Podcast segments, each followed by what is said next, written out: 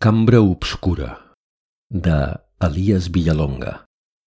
Veu Miquel Llobera, de En veu alta, enveualta.cat. Es desperta enmig de la foscor. Té mal de cap i pesantor al cos. No entén què hi fa allà ni com hi ha arribat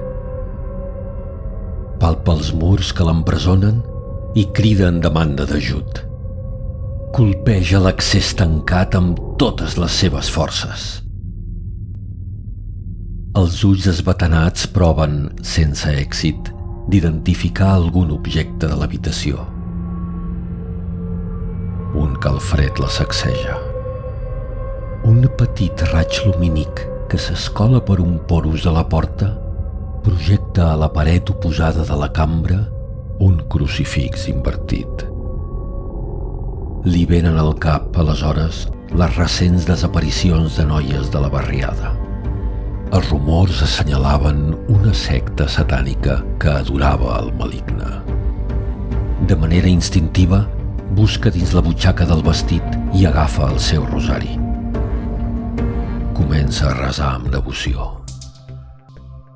Aquell pensament demoníac li fa accelerar encara més el cor, que ja bategava a gran velocitat.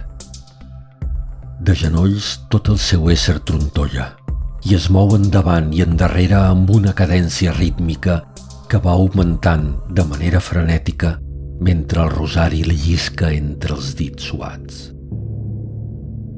El gir d'una clau, el so d'un passador, i un grinyol exagerat la posen en guàrdia.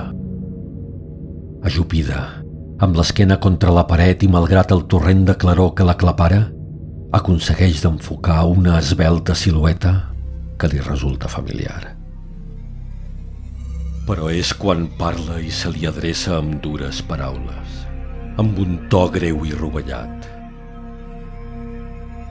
És només aleshores quan reconeix aquella veu escoltada tantes i tantes vegades a l'altra banda del confessionari.